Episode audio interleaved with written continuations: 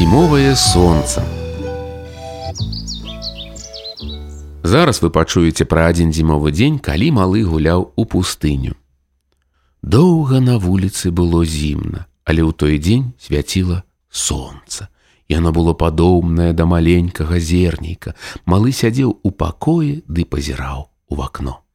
Паслухай, мама, сказаў ён, свеціць зімовае сонца. Ён пайшоў і прынёс свае цёмныя сонечныя акуляры і капялюшык узяў крэсла, якое стаяло ў ягоным пакоі. Паслухай, мама, сказаў ён, гэта маё зімовае крэсла, зараз я возьму яго ды пайду на двор.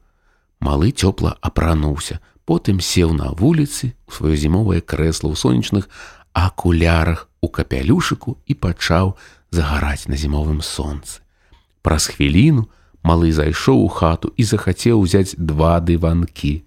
Адзін доўгі, а другі яшчэ даўжэйшы. Што ты збіраешься рабіць, запыталася мама. Зараз убачыш, сказаў ён, паглядзі ў акно. Малы паклаў дыванкі на снег, спачатку палажыў доўгі і разгарнуў яго. Потым ён палажыў другі, даўжэйшы дыванок, накрыш на першы. Мама ўбачыла, што гэта выглядала нібы самалёт. Яна адчыніла в акно. Гэта самалёт, запыталася яна. Так адказаў малы. Ён паставіў сваё зімовае крэсла на скрыжаванне з дыванкоў, пасля прынёс скрыню і уладкаваў яе перад крэслам.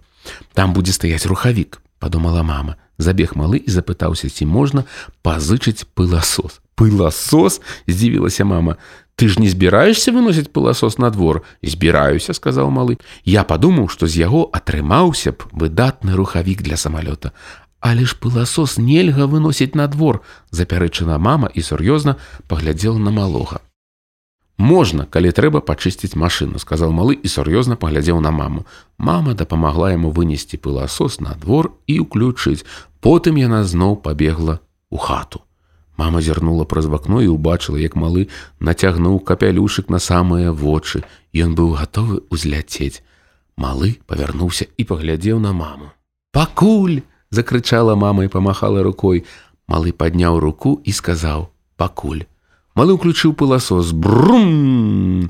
Ён паляцеў з краіны зімовага сонца далёка далёка На тэлефонных правадах ляжаў снег. На сонцы яны выглядалі як белыя лініі ў паветры брум! Часам малы пазіраў уніз каб даведацца ці шмат яшчэ засталося.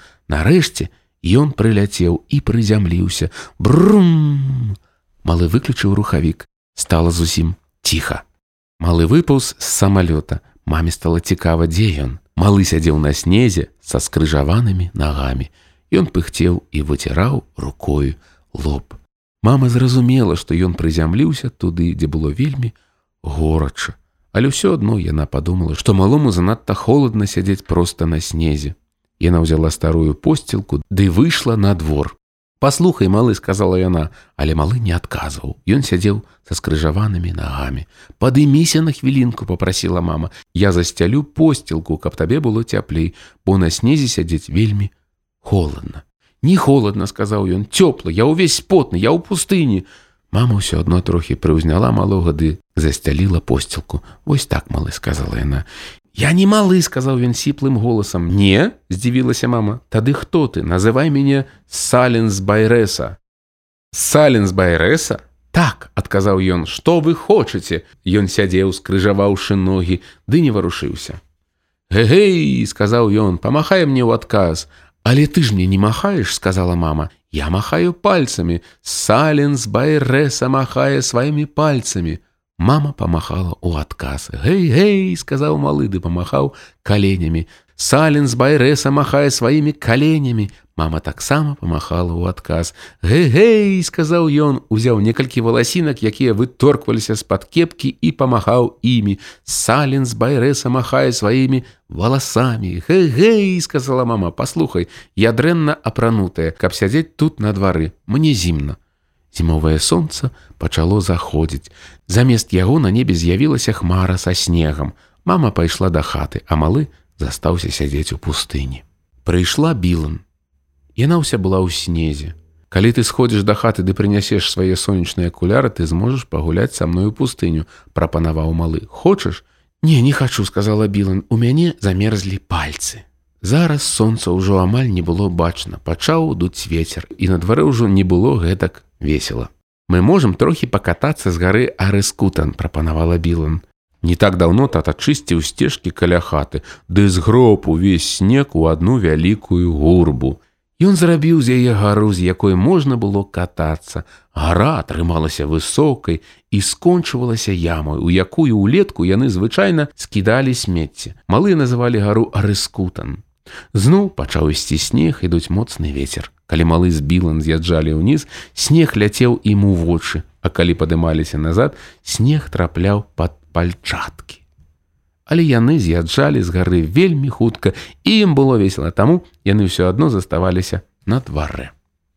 У мяне ў ботах лёд сказала білан я напэўна пайду да хаты малы таксама пайшоў да сябе. Нядаўна малы быў у пустыні а зараз на дварэ пачыналася сапраўдная завіруха калі ён зайшоў у хату то зразумеў як замёрз і колькі шкарпэтак пальчатак і нагавіцы яму трэба паскідаць з сябе Малы так змёрз, што ўвесь дрыжэў, тады мама сказала: « Я згатавала шакалад і зрабіла бутерброд. Ура!